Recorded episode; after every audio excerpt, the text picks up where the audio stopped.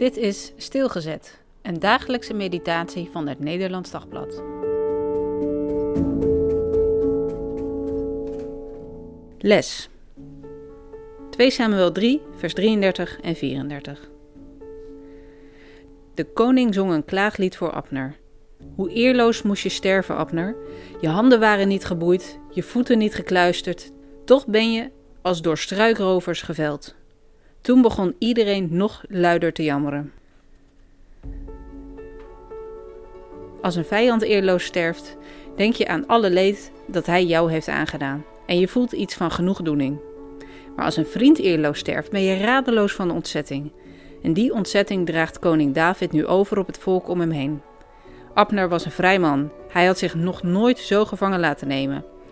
Hij liep rechtop door die poort Hebron binnen. En toen was er zo'n laaghartig persoon die hem onverwachts neerstak. Niet in een eerlijk gevecht, maar als een laffe struikrover. Dit klaaglied raakte mensen, ook Joabs mannen, die verplicht bij deze begrafenis moesten rouwen. En al klagend leren ze iets wezenlijks over goed en kwaad.